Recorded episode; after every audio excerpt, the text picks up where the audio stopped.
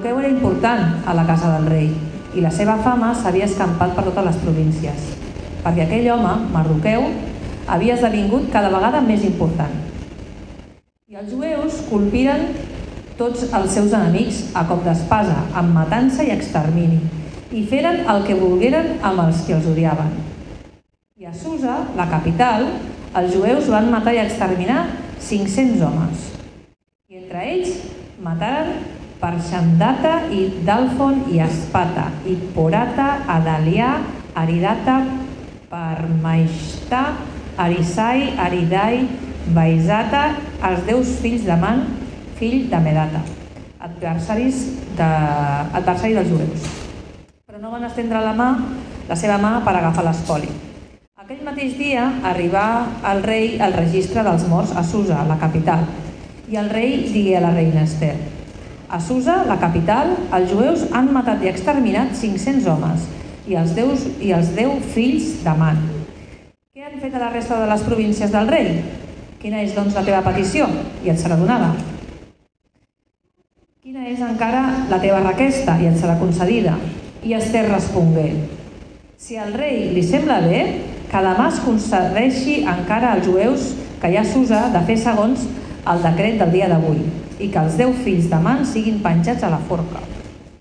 I el rei manà que es fes així, i fou promulgat un decret a Susa i penjaren els deu fills de Man. I els jueus que eren a Susa s'ajuntaren també el dia 14 del mes d'Adar i mataren 300 homes a Susa, però no van estendre la seva mà per agafar l'espoli. I la resta dels jueus que vivien a les províncies del rei s'ajuntaren per defensar la seva vida i poder tenir descans dels seus enemics i mataren 75.000 dels que els odiaven, però no van estendre la seva mà per agafar l'espoli. Hola i benvingut al podcast de Ciutat Nova, una església protestant al barri 22 arroba de Barcelona.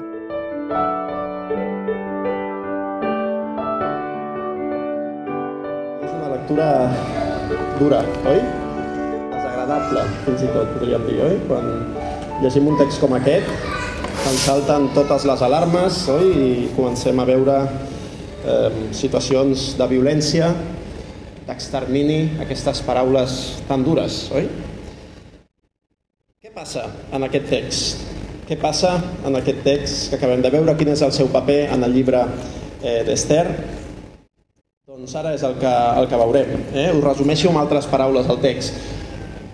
Altres paraules, el que ens diu el text de forma resumida és que el dia assenyalat ha arribat.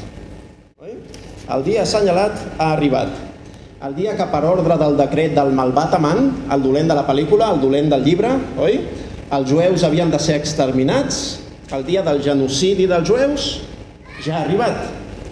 Però ja veiem com en el verset 1 del capítol 9 se'ns diu que el dia en el qual l'ordre del rei i el seu decret s'havia de complir, el dia que els enemics dels jueus havien esperat per dominar-los, què va passar? Llavors s'esdevingué el contrari, ja que els jueus dominaren els que els odiaven. És a dir, aquest gir de truita, aquest gir de guió tan important.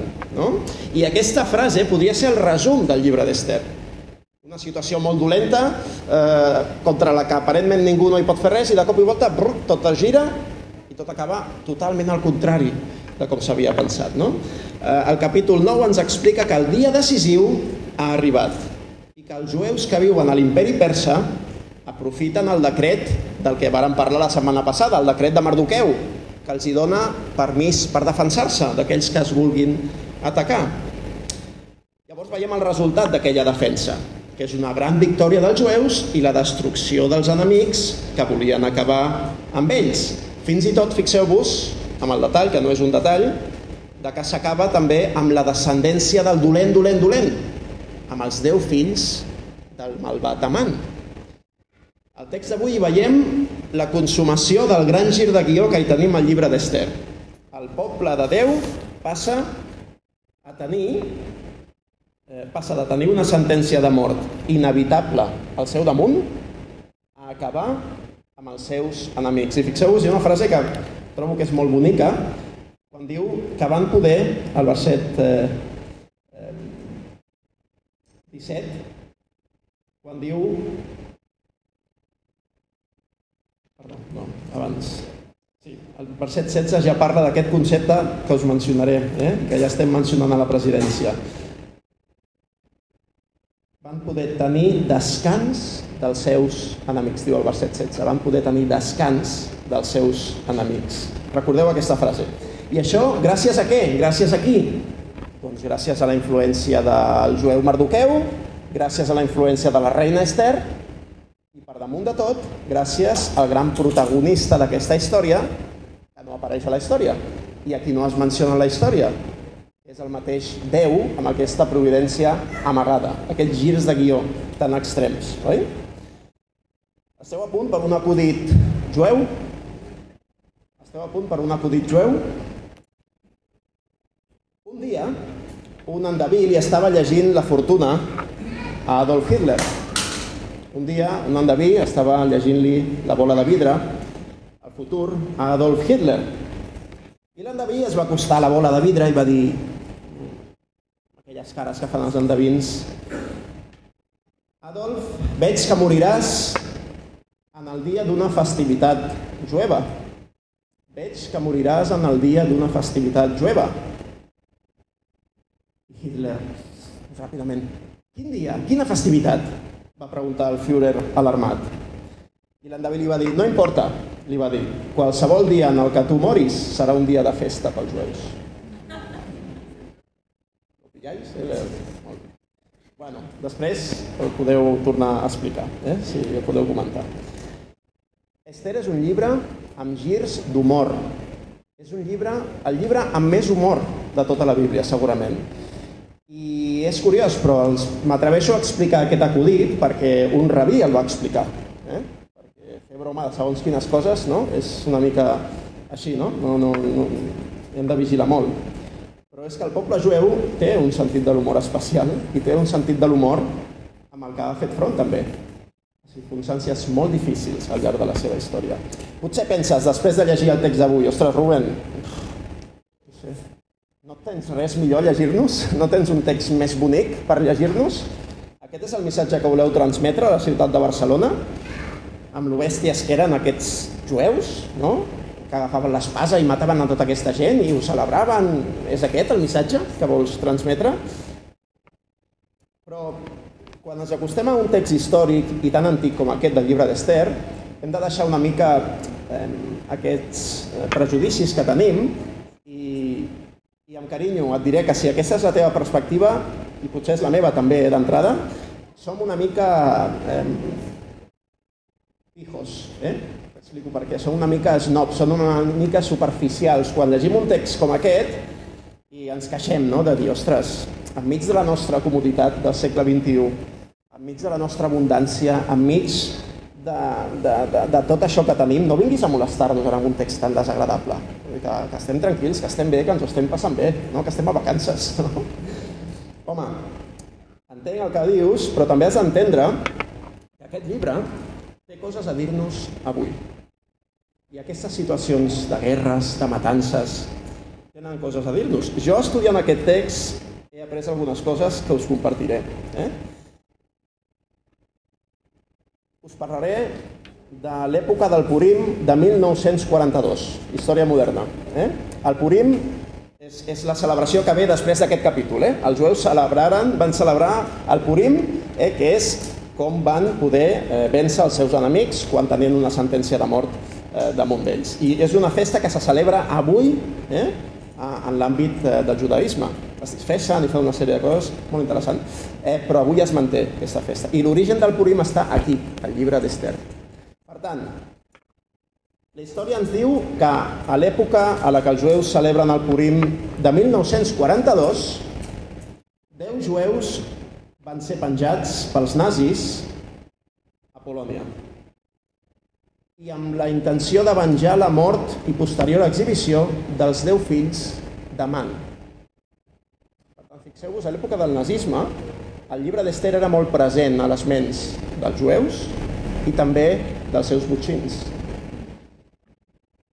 En un incident similar, al 1943, els nazis van afusellar 10 jueus del gueto de Piotrkov, Polònia. En una aparent connexió feta, més coses, per Hitler, entre el seu règim nazi i el paper de Mann, Hitler va afirmar en un discurs pronunciat el 30 de gener de l'any 1944 que si els nazis eren derrotats, els jueus podrien celebrar un segon Purim. Doncs fixeu-vos que aquest text tan llunyà, i que dius, no m'ha de dir res això a mi, fixa't la influència i la importància que ha tingut al llarg de la història i una història tan propera a nosaltres com és el segle XX. I per últim, un altre detall, perquè vegis la rellevància d'aquest llibre per nosaltres, avui, el 16 d'octubre de 1946, Julius Streicher, un dels 10 membres nazis condemnats a la forca, a la forca, pels crims contra la humanitat, després dels judicis de Nuremberg, va ser escoltat que comentava mentre pujava cap a la forca aquestes paraules. Purimfest 1946. Purimfest 1946. És a dir, això és una festa de Purim de l'any 1946. Per tant, fixeu-vos la rellevància d'aquest llibre en un fet històric tan important i tan proper a nosaltres com és l'Holocaust. Per tant, no siguem superficials amb aquests textos i els considerem que no tenen rellevància ni cap importància. Aquests textos eren ben presents a aquella època i aquests textos tenen coses a dir-nos avui a nosaltres també. Verset 1 del text. Anem per versets. Vinga, va, som-hi. Verset 1. El dia 13 del mes 12, que és el mes d'Adar, en el qual l'ordre del rei i el seu decret s'havia de complir, el dia que els enemics dels jueus havien esperat per dominar-los. Llavors, es gira la truita, eh? S'esdevingué el contrari, ja que els jueus dominaren els qui els odiaven. Des del capítol anterior, on hi ha el decret de Mardoqueu, que permet als jueus defensar-se, fins ara han passat aproximadament uns 8-9 mesos. D'acord? Clar, com han estat aquests 8-9 mesos per a aquest poble? El missatge de que es podien defensar havia d'arribar a tot l'imperi persa i, a més a més, era un missatge d'alegria, de festa, de celebració. Ens podem defensar, tenim dret a defensar-nos davant d'aquells que ens volen atacar. Però, clar, s'havien d'organitzar, s'havien d'ajuntar. Un temps de molta feina. El poble jueu s'ha preparat, s'ha esforçat, s'ha organitzat. Però fixa't que el text simplement diu que llavors s'esdevingué al contrari del que havia de passar. I si mires les altres versions, també veuràs que, i, i els comentaristes diuen que aquest vers, aquest verb s'esdevingué, és un verb molt passiu. És a dir, hi va passar allò. No? Una mica com els diferents moments clau del llibre d'Ester, on són aquestes casualitats que diu, doncs el rei no podia dormir aquella nit. No? Aquests moments tan passius que dius, ni Amant, eh, ni Amant, ni Mardoqueu, ni Esther tenien influència en la son del rei ni Amant, ni Mardoqueu, ni Esther tenen influència en tants moments d'aquest llibre que ells no controlen, per molt bon exemple que hagin estat. Per tant, aquí ja hi veiem que tot i que Mardoqueu i Esther són importants, hi ha coses que esdevenen i que ajuden a la salvació del poble jueu. De què ens parla això? Ens parla de que sí, hi ha una responsabilitat humana, però el mèrit més gran de tot aquest llibre no és ni d'Ester ni de Mardoqueu, sinó d'aquest Déu que s'amaga moltes vegades, aquesta providència silenciosa de Déu. Déu es fa present capgirant totalment i contra tot pronòstic allò que semblava inevitable, l'extermini, el genocidi del poble jueu. El poble jueu s'ha de preparar, s'ha d'organitzar i s'ha de defensar, però sense la intervenció providencial de Déu, la història no s'hagués capgirat mai d'aquesta manera tan espectacular. I això ens ha de fer pensar també nosaltres, en el poble de Déu i el seu Déu, al llarg de la història, i en el poble de Déu i el seu Déu avui. Com veus el present i el futur de l'Església? Nosaltres, com a cristians, com a poble de Déu, que som en Crist, estem cridats també, com els jueus, a treballar, a organitzar-nos, fer front a aquelles batalles a les que haguem de fer front, no batalles físiques, com les que hi havia en determinats moments de l'Antic Testament, sinó batalles que són potser espirituals. Estem cridats a treballar, a esforçar-nos, a organitzar-nos com a poble de Déu. I hem de fer front a batalles espirituals. Recordem el que ens diu l'apòstol Pau. Finalment, germans meus, sigueu enfortits en el Senyor i en el poder de la seva força. Vestiu-vos tota l'armadura de Déu. Fixa que Pau està utilitzant aquí metàfores bèl·liques, de guerra, de lluita, eh? tot i que no està parlant d'una lluita física. L'armadura de Déu, a fi que pugueu estar ferms contra els estratagemes del diable, perquè la nostra lluita no és contra sang ni carn, sinó contra els principats, contra les potestats, contra les potències còsmiques de la tenebra d'aquest segle, diu Pau, contra els esperits de la maldat en els àmbits celestials. Per això, preneu tota l'armadura de Déu a fi que pugueu resistir en el dia dolent. Després de fer totes les coses, estar revestits amb la cuirassa de la justícia i els peus calçats amb la preparació de l'Evangeli de la pau. I continua amb aquesta metàfora. Sobretot, diu Pau, prenent l'escut de la fe, amb el qual podreu apagar tots els darts encesos del maligne. I preneu encara més el cas de la salvació i l'espasa de l'esperit, que és la paraula de Déu, pregant en tot moment en l'esperit, amb tota mena de pregària i súplica, i batllant en això amb tota perseverança i súplica per tots els sants, també per mi, continua Pau, oi? Etcètera. Aquesta és la nostra lluita. La nostra lluita no és la de l'època d'Ester, no hem de treure espases, com Jesús ens va dir clarament, oi? Però estem en lluita. En una lluita espiritual. I jo no sé si tu tens això en la teva ment. No sé si vius en lluita espiritual o no vius amb una tensió per lluitar espiritualment. La nostra batalla avui és espiritual per fer front a tot allò que suposa al món. I si vas a la Bíblia veuràs que de coses que suposen a nosaltres, a Déu, n'hi ha unes quantes. Podríem parlar de l'enemic, del diable, del món, de tota aquella estructura que suposa eh, el regne de Déu, i també podríem parlar del nostre pecat. Hi ha una sèrie d'enemics contra els que hem de lluitar en el nostre dia a dia. La nostra batalla avui és espiritual, però la pregunta que et faig és si som conscients de que tot i no estar en una guerra física, estem en una guerra espiritual.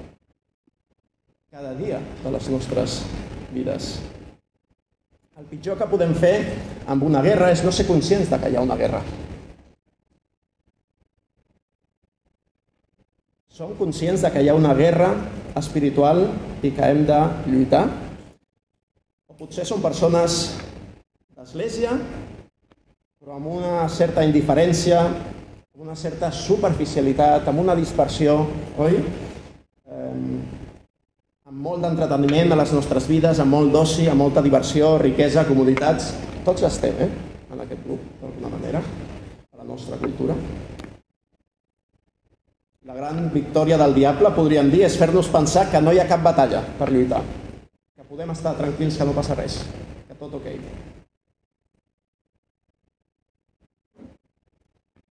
Si és així, desperta. Despertem avui, aprofitem avui per veure la necessitat que tenim de despertar-nos, de preparar-nos, de pregar, de buscar el Senyor, de buscar comunió amb els germans. I com diu Filipencs 2.12, així doncs, estimats meus, com sempre heu obeït, no sols en la meva presència, sinó molt més ara en la meva absència, desenvolupeu la vostra pròpia salvació amb temor i tremolor.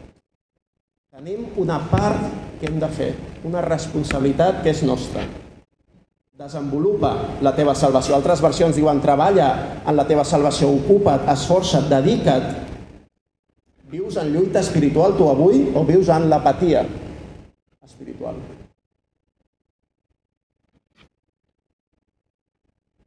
estem cridats a esforçar-nos. Però després veiem, també Filipencs ho diu, que és Déu el qui obra en vosaltres tant el voler com l'obrar segons la seva bona voluntat. Aquestes dues realitats paral·leles que veiem al llibre d'Ester es manifesten al llarg de tota la Bíblia.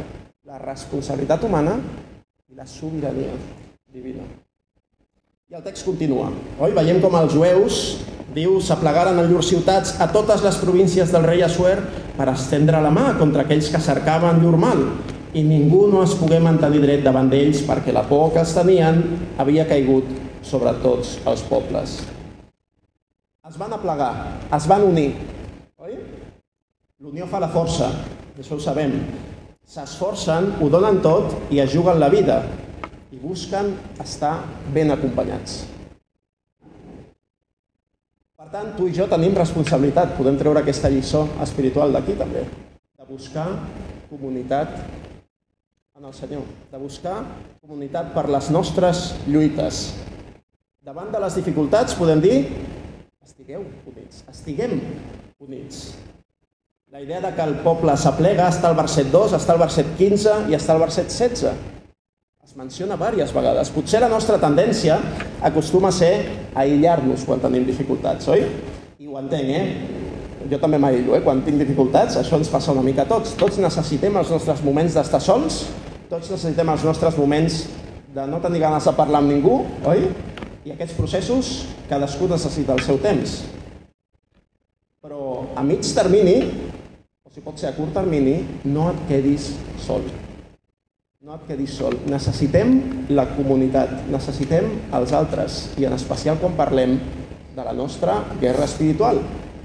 Necessitem l'Església, necessitem germans i germanes en la fe. És veritat que vivim una època plena d'individualisme en la que ens diuen que tu sol ho pots fer tot i que no necessites res ni ningú.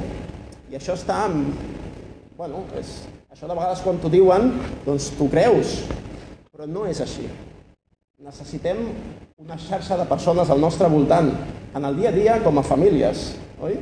Necessitem Bueno, I amb els anys valores i te n'adones de dir aquell entorn familiar que jo tenia del català encaixava potser la meva adolescència, resulta que ha sigut una base mm, imprescindible per la meva vida.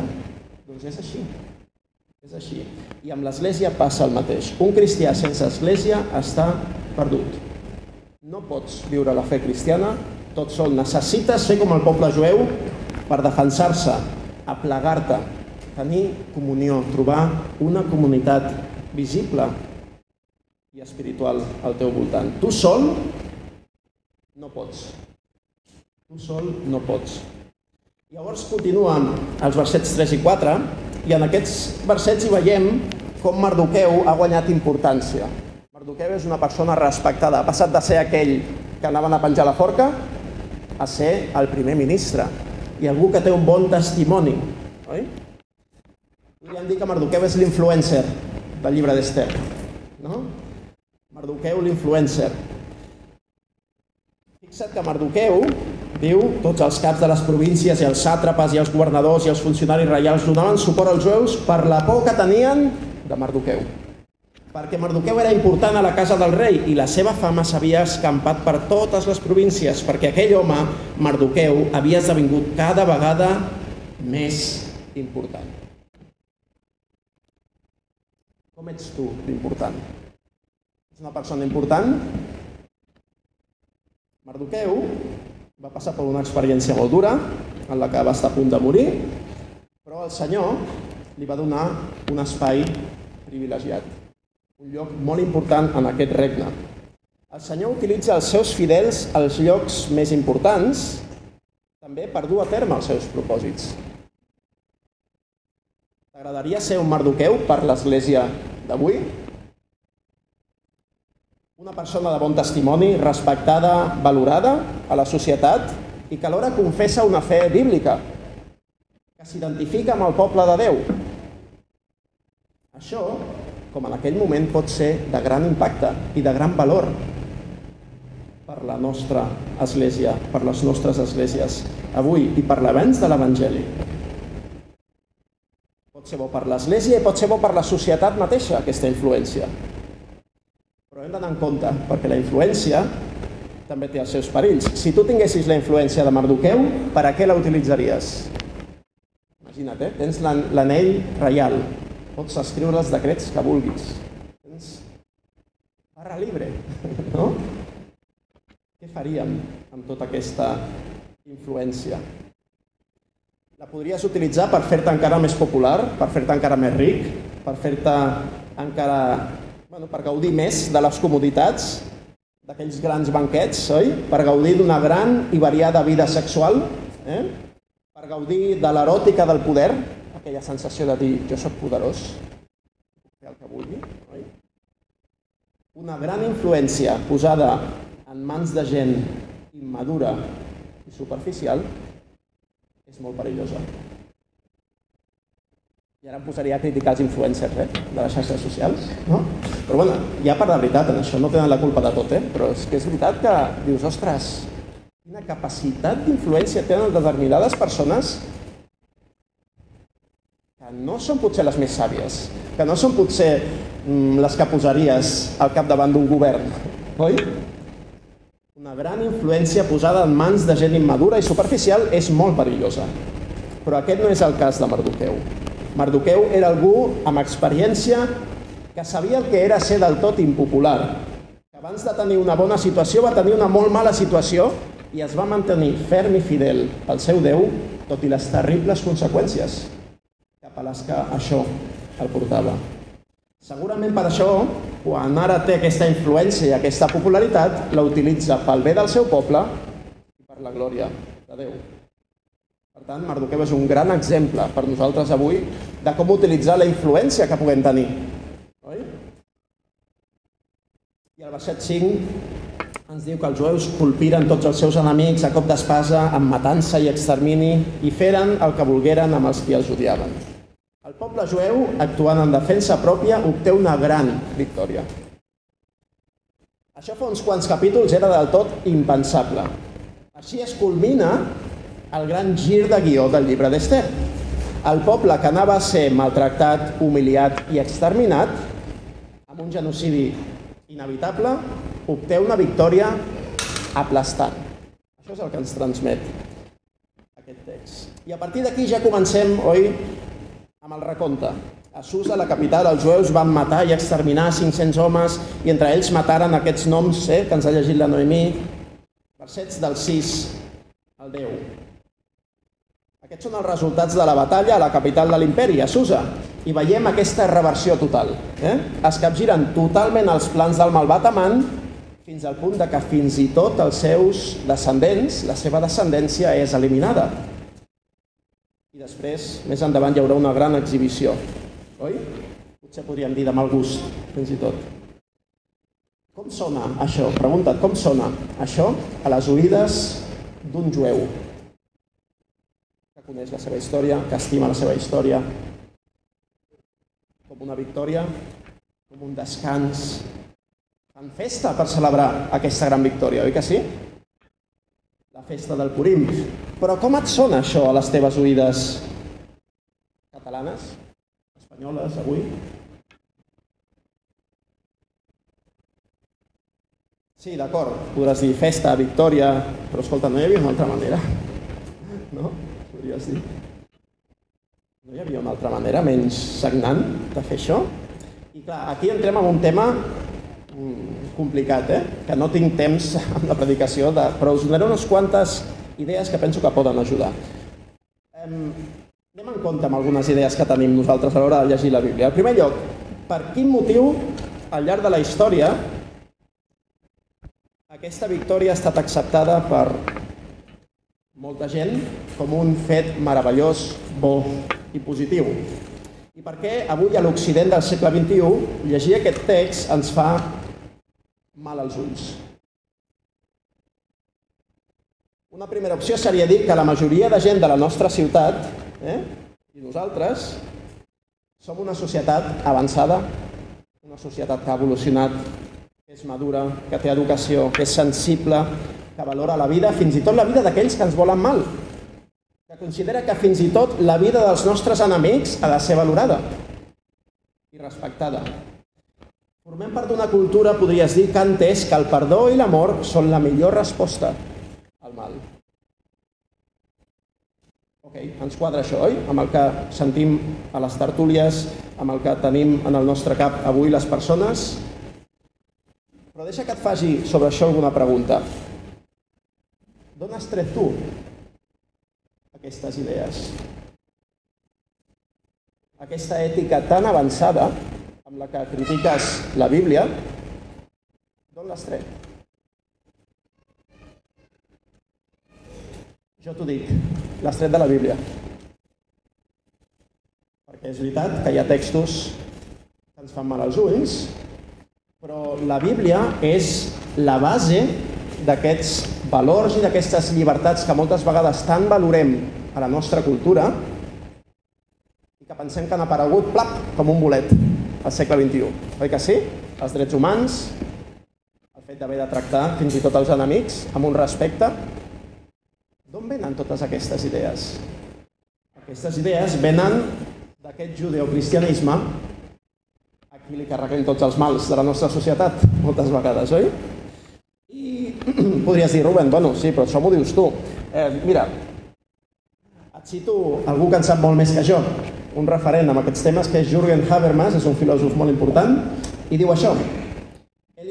El igualitarismo universalista del que brotaron las ideas de libertad y una vida colectiva marcada por la solidaridad, la conducta de vida autónoma y la emancipación, la moralidad individual de la conciencia, los derechos humanos y la democracia es el legado directo de la ética judaica, de la justicia y la ética cristiana del amor. Este legado, sustancialmente inalterado, ha sido objeto de una apropiación y una reinterpretación críticas continuas. Hasta hoy, diu Habermas, no hay alternativas. Y a la luz de los desafíos actuales de la constelación postnacional, unas palabras ¿eh? seguimos bebiendo de la sustancia de esta herencia. Todo lo demás, diu Habermas, es simplemente parloteo postmoderno improductivo. Difícil aquesta cita, eh? Amb altres paraules, que tots aquests valors tan democràtics, tan, aquests drets humans que tant valorem, provenen del judeocristianisme. Molt bé. Per tant, si això és així, deixa que et pregunti també, estàs segur que en un món com el nostre n'hi ha prou amb l'amor i amb el perdó? Què passa amb conceptes com la justícia, com el càstig, com la venjança, la ira de Déu, per exemple, la retribució de Déu, la venjança de Déu, què sents quan escoltes aquests termes? Tens ganes de sortir ràpidament i dir, bueno, bueno, però no, no, no volem dir que Déu eh, s'enfadi com ens enfadem nosaltres, i, i és veritat. Eh? La ira de Déu no és com la ira de les persones, però Déu s'enfada. Déu té ira, oi? Cal que la paraula de Déu sigui la que defineixi aquests conceptes per nosaltres i no la nostra cultura. Si aquests termes et semblen ofensius i automàticament negatius, segurament és perquè estàs més empapat de la teva cultura que de la teva Bíblia. Perquè aquests termes ben entesos, càstig, ira, venjança,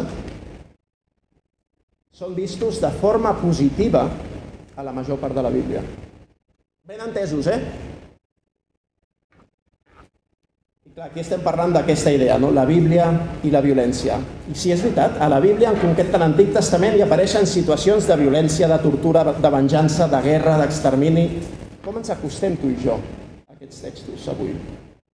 Deixa que et digui que, en primer lloc, no tot el que apareix a l'Antic Testament i és perquè ho imitem. A l'Antic Testament hi ha textos horribles perquè la Bíblia és un llibre realista. I si tu mires al segle XX, veuràs matances molt més dures que les que apareixen a la Bíblia. Però el text d'avui ens parla d'una guerra i d'una violència, d'una gran matança realitzada pel poble de Déu en defensa pròpia. Aquesta encara és comprensible perquè simpatitzem amb la defensa pròpia, oi? I amb el dret d'un poble a defensar-se. I a més a més, fixa't amb l'èmfasi del text d'avui de que no van agafar botí. Bueno, com no diu botí, sinó quina és la paraula? Espoli.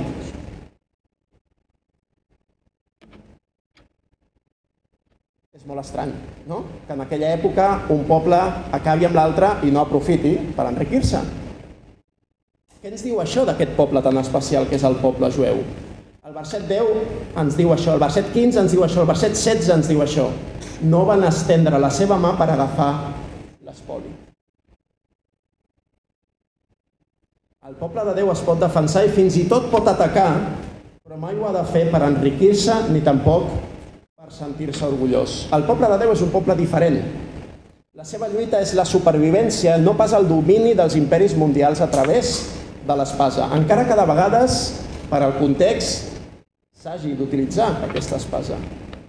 El que ens diuen aquestes lluites és que Déu està en lluita contra el mal i que hi ha una lluita còsmica entre el bé i el mal i aquests relats que ens incomoden s'han d'entendre com expressions d'aquestes lluites còsmiques entre el bé i el mal.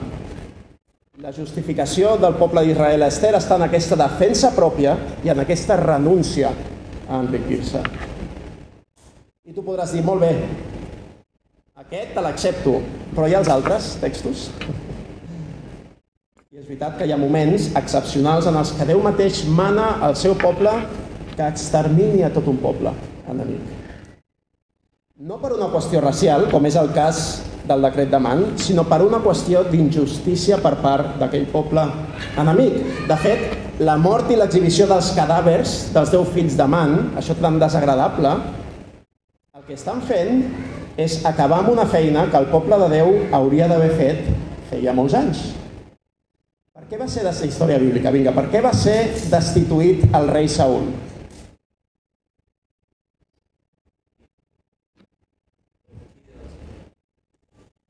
El Déu, el, el, Déu li va dir al rei Saúl, 1 Samuel capítol 15, ho podeu llegir després, li va donar la missió d'acabar amb un poble que era un poble terrible. Els amalequites, de qui és descendent amant, per ser, eh? Per la seva gran maldat, diu Déu. A Saúl, a més a més, se li va dir, bueno, i la idea que tenia el poble d'Israel era també el de no agafar l'espoli, de no enriquir-se. Saúl no només no va acabar amb aquest poble, va deixar viu el seu rei, sinó que a més a més va desobeir Déu i es va quedar amb l'espoli. Per això, Saúl va ser destituït com a rei. I el nostre text d'avui acaba de fer el que Saúl no va fer. És acabar amb la descendència d'aquest poble enemic del poble de Déu.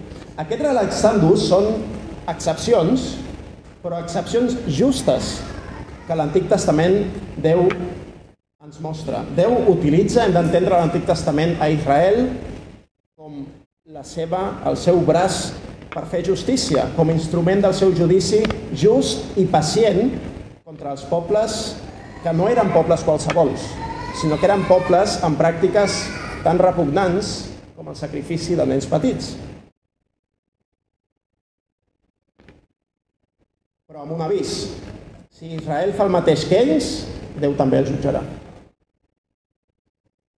I així ha estat al llarg de la història. En aquests atacs no hi ha ni rastre de superioritat moral nacional. La destrucció d'aquests pobles a l'Antic Testament no reflecteix ànsies de venjança i crueltat injustificades per part del poble de Déu, sinó que més aviat són una mesura necessària per la supervivència del poble de Déu i perquè la salvació arribi a tots els pobles de la terra. Dit això, sí que és veritat que avui tenim un problema amb la idea del judici de Déu. No suportem que ningú en jutgi. Fa uns anys, el text més conegut de la Bíblia, saps quin era? Joan 3,16. Va, digueu-me, què diu? Perquè Déu va estimar tant el món que va enviar el seu fill únic, Jesucrist, eh, perquè tothom que creu en ell no es perdi, sinó que tingui vida eterna. Quin és el text més recitat avui per creients i no creients de la Bíblia? Vinga. Mateu 7, 1. No jutgis i no seràs jutjat. Un text mal aplicat, eh? No jutgis i no seràs jutjat. No suportem que algú ens pugui jutjar.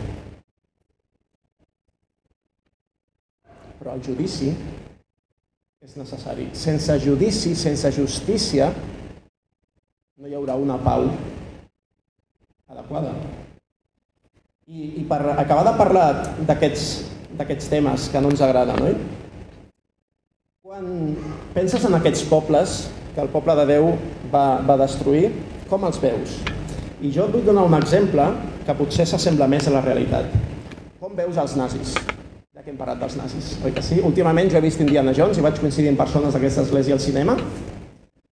I qui són els dolents a moltes pel·lícules d'Indiana Jones? Els nazis, oi? I quan veus aquesta pel·lícula, quina, quins sentiments tens cap a aquests nazis? por ellos, no?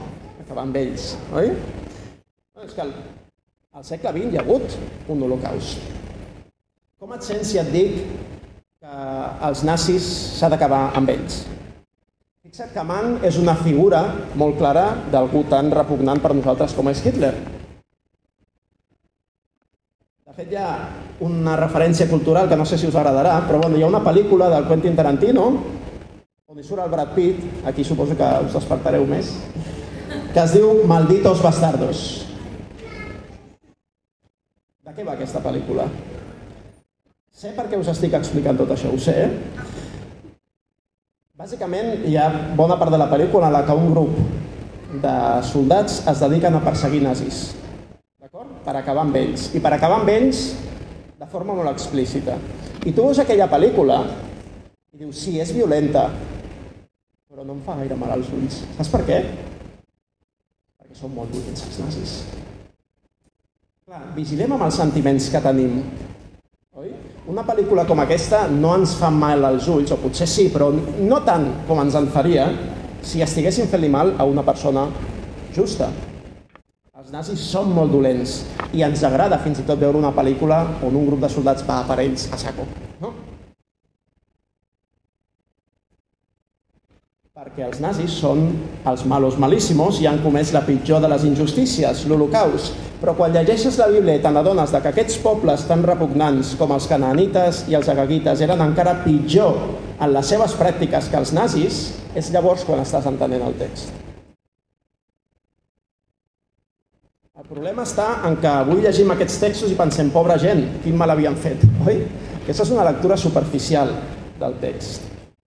Nosaltres hem entès, després de Jesús, la perspectiva cristiana, que ens diu que hem d'estimar fins i tot els nostres enemics. Tot i que ens costa d'acceptar, eh? perquè és més fàcil que els altres estimin els enemics que que tu estimis els enemics. Eh? També has de reconèixer que és més fàcil demanar als altres que perdonin i no busquin venjança que perdonar i no buscar venjança, quan a qui ofenen és a tu, oi? Per acabar amb això, fixeu-vos què va dir un teòleg molt important, Miroslav Volf, sobre la ira de Déu, aquest concepte de judici, d'indignació de Déu. Diu aquest teòleg, abans pensava que la ira no era digna de Déu. És que Déu no és amor? I l'amor de Déu no hauria de portar-nos més enllà de la ira? Déu és amor i Déu estima cada persona i cada criatura. És precisament per això, diu aquest teòleg, que Déu té ira contra alguns d'ells. La meva resistència, diu Wolf, al concepte d'un déu d'ira es va acabar durant la guerra a l'antiga Iugoslàvia, d'on jo provinc.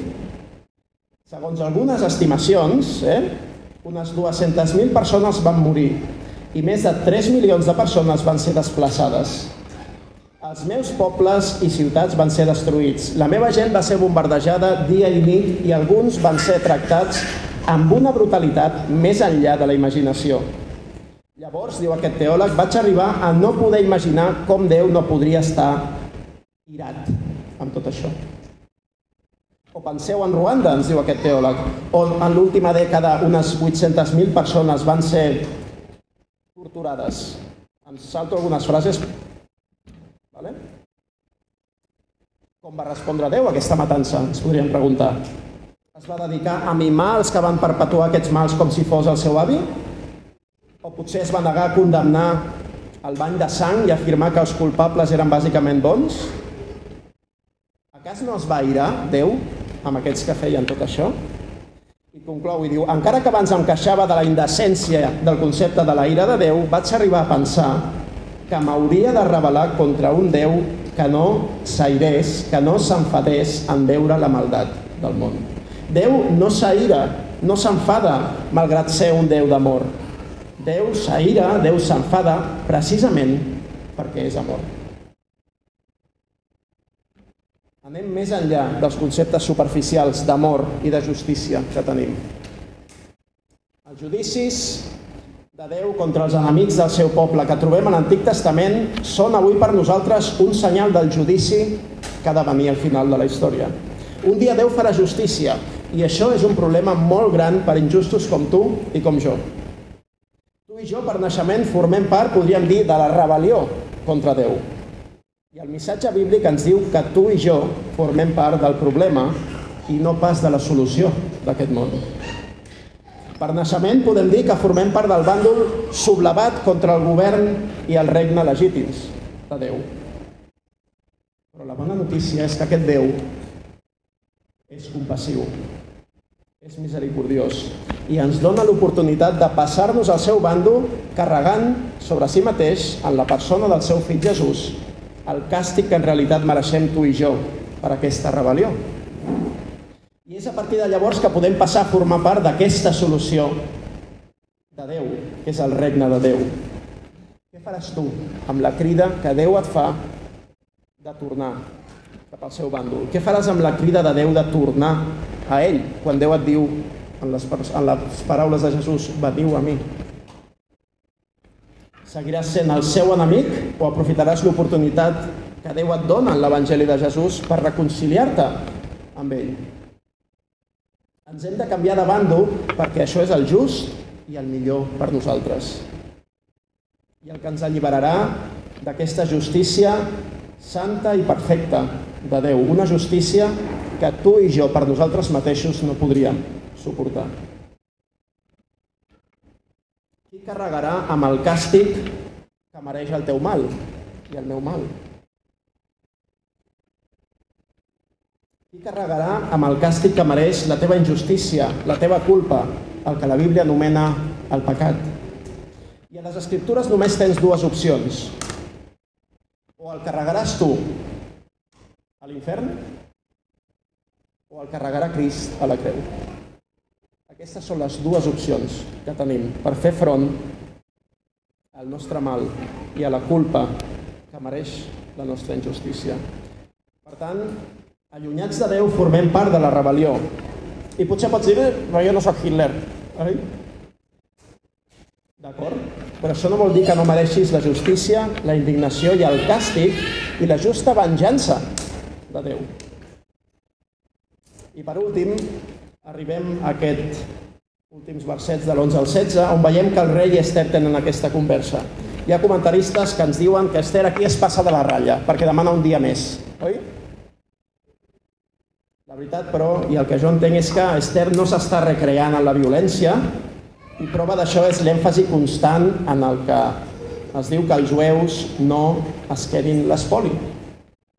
Si Esther demana aquesta petició és perquè considera que els enemics encara viuen a molts llocs i representen un perill mortal pel poble de Déu. Hi havia un exemple al comentari del David Burg que he llegit aquesta setmana que justifica l'actuació d'Esther dient-nos això, que si estàs envoltat per 10 lleons famolencs, no et conformes amb que només 5 siguin liquidats. Fins que no acabis amb tots ells, no estaràs ben segur. Si tens 10 lleons al teu voltant que volen menjar-se, que volen acabar amb tu, no et conformes amb que només 5 siguin liquidats. En queden uns altres 5 que poden acabar amb tu. D'alguna manera, això és el que el poble de Déu, això és el que Esther va demanar. Més temps per poder acabar amb aquells que eren un perill per la supervivència del poble de Déu. Molt bé, acabem. Quines són les aplicacions finals que podem fer d'aquest text tan dur de llegir, oi? En primer lloc, sempre és aquesta l'experiència del poble de Déu? Veiem com es gira la truita, veiem aquests girs de guió en el llibre d'Ester. Sempre és així? I la resposta és no. Al llarg de la història, del poble de Déu hi ha hagut i hi haurà grans derrotes, grans dificultats i moments en els que no veurem la mà de Déu com a nosaltres ens agradaria. I moments en els que les coses no es capgiraran com ho van fer en l'època d'Ester i de Mardoqueu. El llibre d'Ester ens diu que podem confiar en que la victòria final del poble de Déu està assegurada.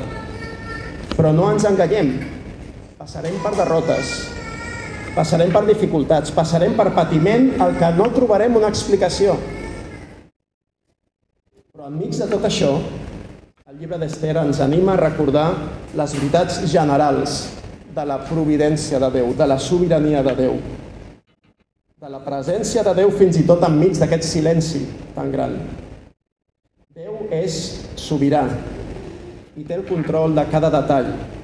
Recorda que la victòria final i definitiva cap a la que el llibre d'Ester apunta és la victòria de Crist.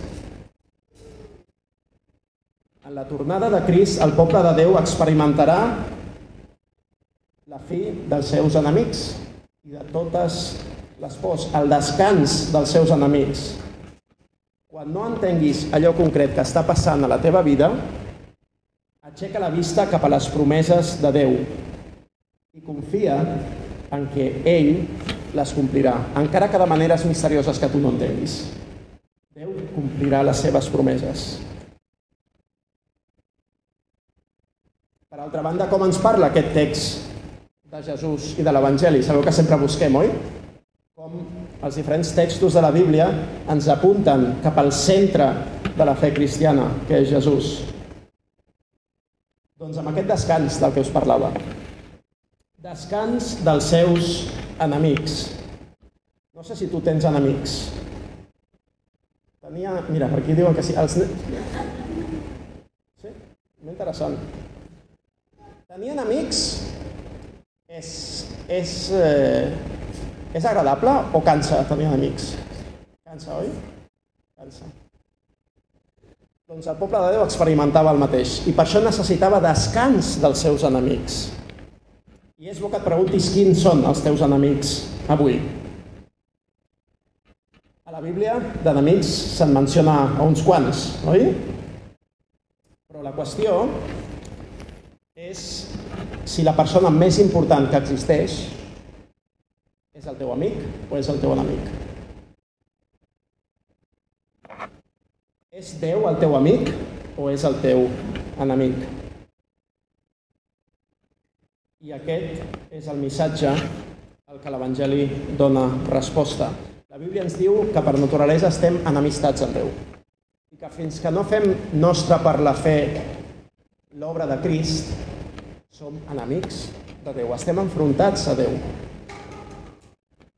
Per tant, recordem avui que aquesta enemistat pot ser resolta en Crist. De la mateixa manera que el poble de Déu a l'època d'Ester va tenir descans dels seus enemics, si t'acostes a Crist amb penediment a fer, avui tindràs descans de l'enemistat amb Déu i també d'aquells altres enemics que la Bíblia menciona. El pecat, que no és el teu amic, encara que t'ho sembli. El món, entès com aquell sistema que suposa a Déu, que no és el teu amic, encara que t'ho sembli, i fins i tot el mateix diable. I un altre enemic que la Bíblia ens diu que és l'últim, la mort mateixa. En Crist tens descans de tots aquests enemics. En Crist, aquell que és el teu gran problema quan no t'has reconciliat amb ell, que és Déu mateix, es transforma en el teu gran amic i aquell que et dona descans de tots els altres enemics que tu puguis tenir. Tant, veiem aquesta relació d'Ester amb tota la Bíblia i també amb l'Evangeli. Déu va prometre a Abraham que faria d'ell una gran nació i que de la seva descendència, que seria molt nombrosa, ell l'utilitzaria per beneir a tots els pobles de la terra. Esther, capítol 9, 5 al 16, és la resolució final d'aquest text que hem llegit abans sobre el rei Saül. I quina és la resolució final del llibre d'Ester? Des del punt de vista cristià hem d'entendre que la vinguda de Jesús amb el seu regne és el punt decisiu, és la culminació de tot allò cap al que el llibre d'Ester apuntava. El Crist promès ha vingut a través de la llavor d'Abraham i a través de la descendència del rei David. I nosaltres, avui, aquells que creiem en Crist, Diu la paraula que si vosaltres sou de Crist, llavors sou llinatge d'Abraham i hereus d'acord amb la promesa. Per tant, déu nhi tot el que podem treure d'aquesta cosa tan antiga que és aquest text, oi? D'aquest text tan antic. déu nhi totes les ensenyances que podem treure d'aquest text. Per acabar, a nivell d'església m'agradaria que llegíssim aquest text està al Nou Testament i que té molta relació amb tot el que hem estat dient. Segona de Tessalonicencs, i acabarem amb la lectura d'aquest text, capítol 1, versets del 6 al 10. Diu així el Nou Testament. Perquè és just per a Déu de retribuir amb aflicció aquells que us afligeixen i a vosaltres, els qui sou afligits, de donar-vos repòs amb nosaltres en la revelació del Senyor Jesús, quan vingui des del cel amb els àngels del seu poder. Amb flama de foc per donar el càstig als qui no coneixen Déu i als qui no obeeixen l'Evangeli del nostre Senyor Jesucrist, els quals seran castigats amb l'eterna ruïna, fora de la presència del Senyor i de la glòria del seu poder. Quan ell vingui en aquell dia a ser glorificat en els seus sants i admirat en tots els qui han cregut, perquè vosaltres heu cregut en el nostre testimoni. Església, aquestes veritats són per nosaltres. Gràcies per escoltar aquesta predicació. Si tens preguntes respecte al seu contingut o vols tenir una conversa sobre l'Evangeli, no dubtis en contactar-nos. Escriu-nos o visita'ns a www.cn22.org.